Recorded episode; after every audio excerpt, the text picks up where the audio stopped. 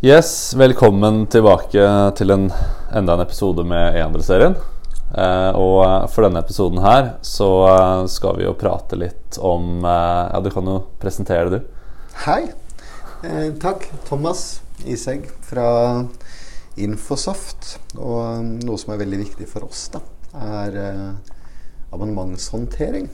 Og muligheter for å selge ting på abonnement eller som utleie og få effektivt betalt for det. Mm. Rett og slett. Ja.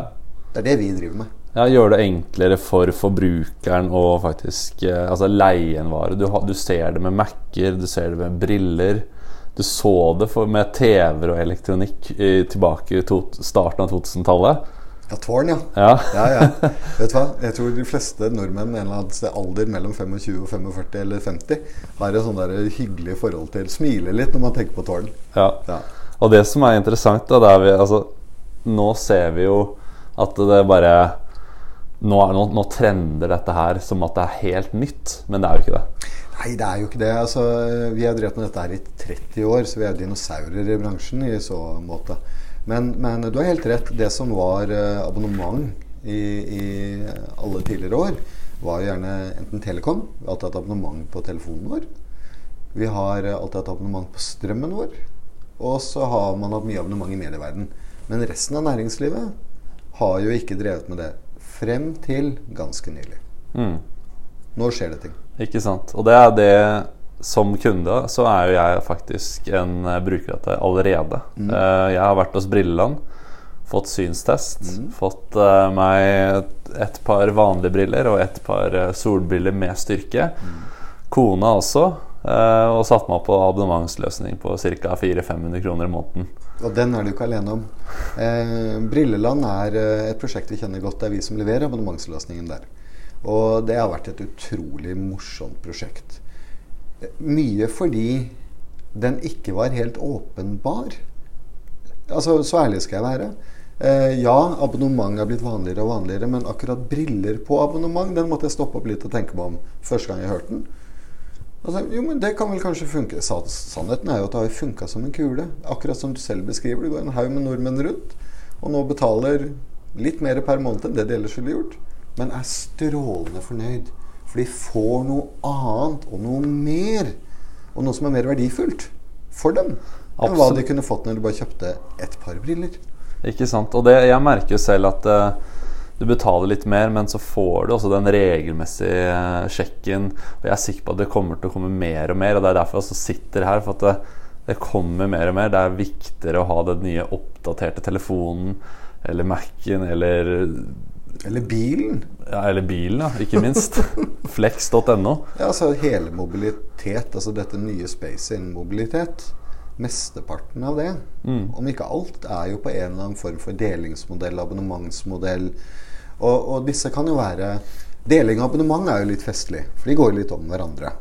For forbrukeren så blir det mye av det samme. Jeg kan bruke noe som noen andre kanskje har brukt, eller som jeg har for en periode. Men på baksiden så er det jo ganske forskjellig. For den rene delingsmodellen er jo en sånn ideologisk bærekraftsdrevet sak. Som man kan putte en forretningsmodell på toppen av. Mens et abonnement er jo straight forward. Der selger du jo ting. Mm. Men i delingsøkonomien så er det en større blanding. Både idealisme og ren forretning. Ja. Og det, det som vi ønsker å gå inn på i eh, på E-andre-serien, det er jo litt sånn som om systemet. Går litt, sånn- litt sånn teknisk eh, inn på dette. Hvordan har deres løsning gjennom 30 år Hvordan er liksom dette satt opp uh, for å ja, ta den trenden da, som kommer nå? Ja, det er heldigvis ikke den samme løsningen i dag som for 30 år siden. Eh, erfaring derimot bygger gjennom 30 år. Nei da. Eh, vi snakker om en moderne software as a service eh, native-plattform.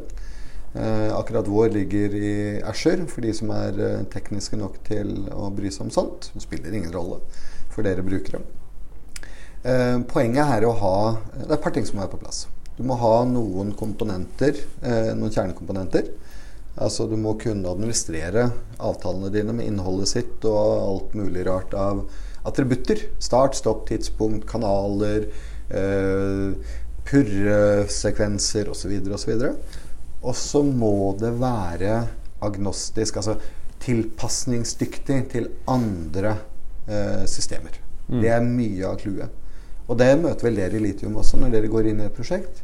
Så er dere jo sjelden alene hos kunden. Det er alltid noen som leverer en del annen teknologi som dere må kobles opp mot. Så mye av clouet her er eh, at man leverer noe som lett lar seg koble opp mot andre ting, og til sammen blir det en enhet som funker eh, friksjonsfritt. Ja, og det går liksom tilbake til eh, moderne netthandlere som dere har hatt et webinar på nå nylig. Eh, også sånn arkitekturen, eh, API first, cloud native, headless, og eh, en best of breed-tankegang på at eh, vi som plattform kan ikke være best på eh, alt som alle deler innenfor altså si abonnement her, da. Eh, her kan vi koble på dere som kanskje kan levere den, den løsningen der.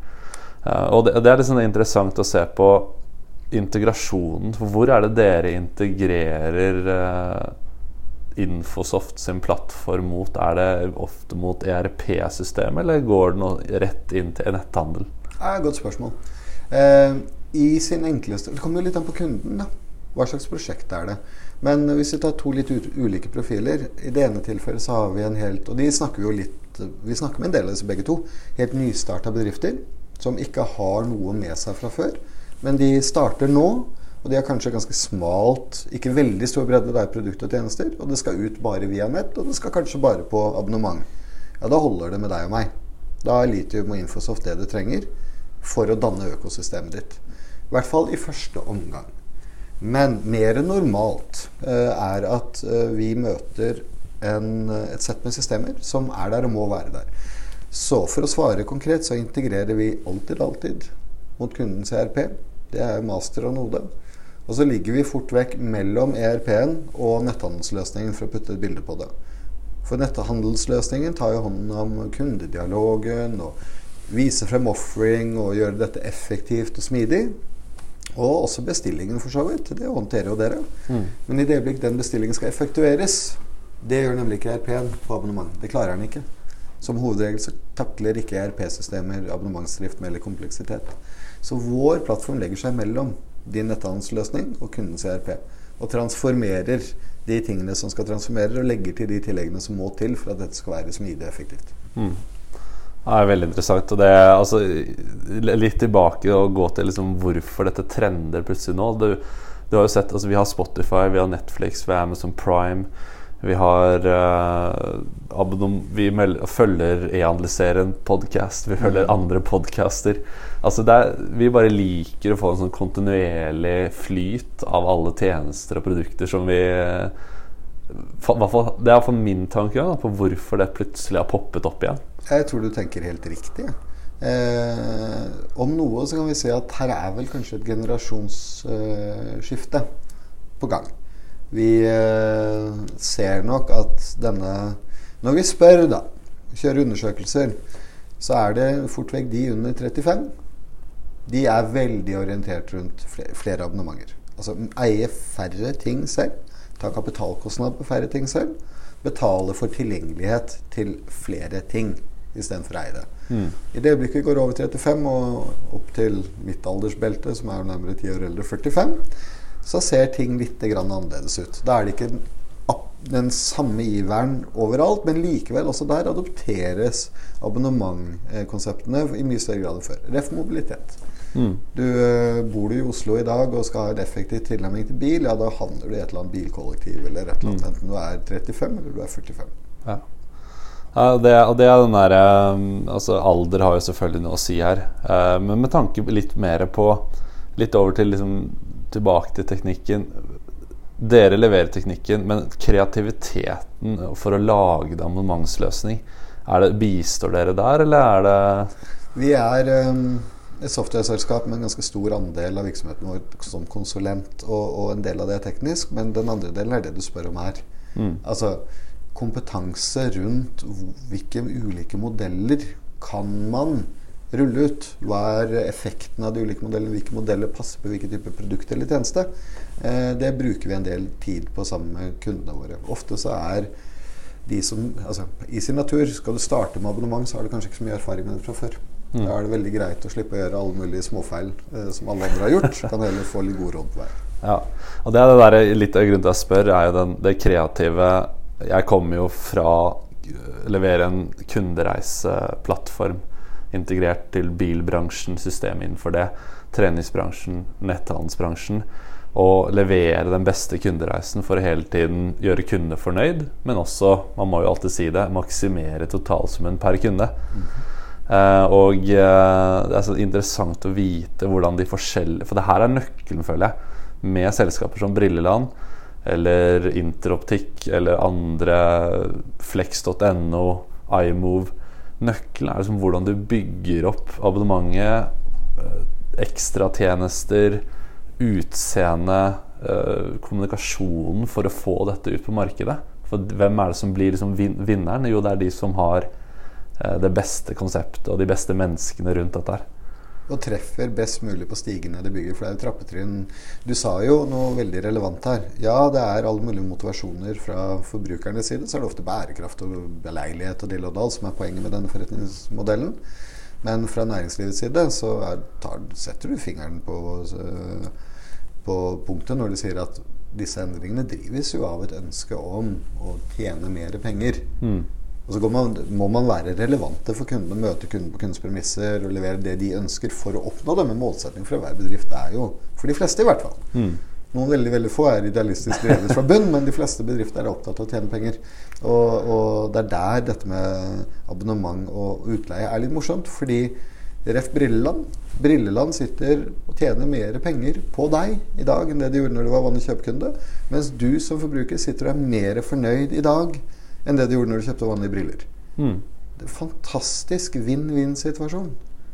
Så å gjøre mer av det Birland er forbilledlig eksempel på hvordan man burde angripe overgangen til uh, tjenester og abonnement. Ja, for det har jo vært mye av sånn ekstreme rabatter innenfor brillene. Og hele tilbudet tilby dette her syns jeg er ekstremt smart. Uh, også, men også når du ser på det bærekraftige rundt dette her, da. Mm. Eh, jeg vet jo for eh, bilbransjen det mest bærekraftige man kan gjøre, er at alle uh, slutter å kjøpe sin egen bil. At det bare fins biler rundt om i Oslo, rundt om i Norge, som man kan leie på null komma niks. Mm. Sånn som Vy Bibel har gjort. Eller flex.no. Det er kanskje litt, litt forskjell på bærekraftigheten der. Men hvordan er det i forhold til Det er kanskje spørsmål til Brilleland-personen også, men har du noen tanker rundt det? Rundt briller, da, siden vi prater om det? Eh, Eller ja. andre Nei, men Vi kan godt ja. ta briller som eksempel. For du Tenk briller på den ene siden, og så er det bil på den andre siden. Så har du på mange måter to ytterpunkter når det kommer til ressursbildet av det. For hvis vi tar bærekraftsporet da, som motivator, både for bedriften og kunden, eh, så handler det jo mye om hvor mye ressurser er gått ned i dette produktet her, som det er snakk om. Enten det er en brille, telefon eller en bil. Hvor mye edle metaller, sjeldne metaller, hvor mye energi, hvor mye vann. Er det mye av dette, ja, da ønsker vi å gjenbruke det. Derfor mobilitet. Eh, veldig aktuell fordeling. For så vidt også OneCall sin 'kjøp en pent brukt mobiltelefon'. Også et bærekraftig svar. Det går et tonn vann per produserte mobiltelefon. Så at én person kjøper en brukt istedenfor en ny, altså i det store bildet, betyr faktisk litt. Mm. Men for å svare på briller konkret, da, så skal vi være, må vi være helt åpne på at det er ikke så veldig mye ressurser som går inn i en brille. Eh, den blir nok ikke gjenbrukt i så stor grad eh, direkte. Den blir vel ja. plukka fra hverandre igjen, og så blir det resirkulert. For det, der ønsker jeg å utfordre eh, den bransjen. Eh, fordi at eh, jeg går ofte inn og sier at jeg ønsker å bare bytte ut glasset. Mm. Og så mm. sier de at dette blir dyrere mm. enn å kjøpe en ny brille. Mm. Det blir liksom samme pris. Så der, melding til dere, Brilleland, og jeg ønsker å ha dere med på serien også for å prate om dette her.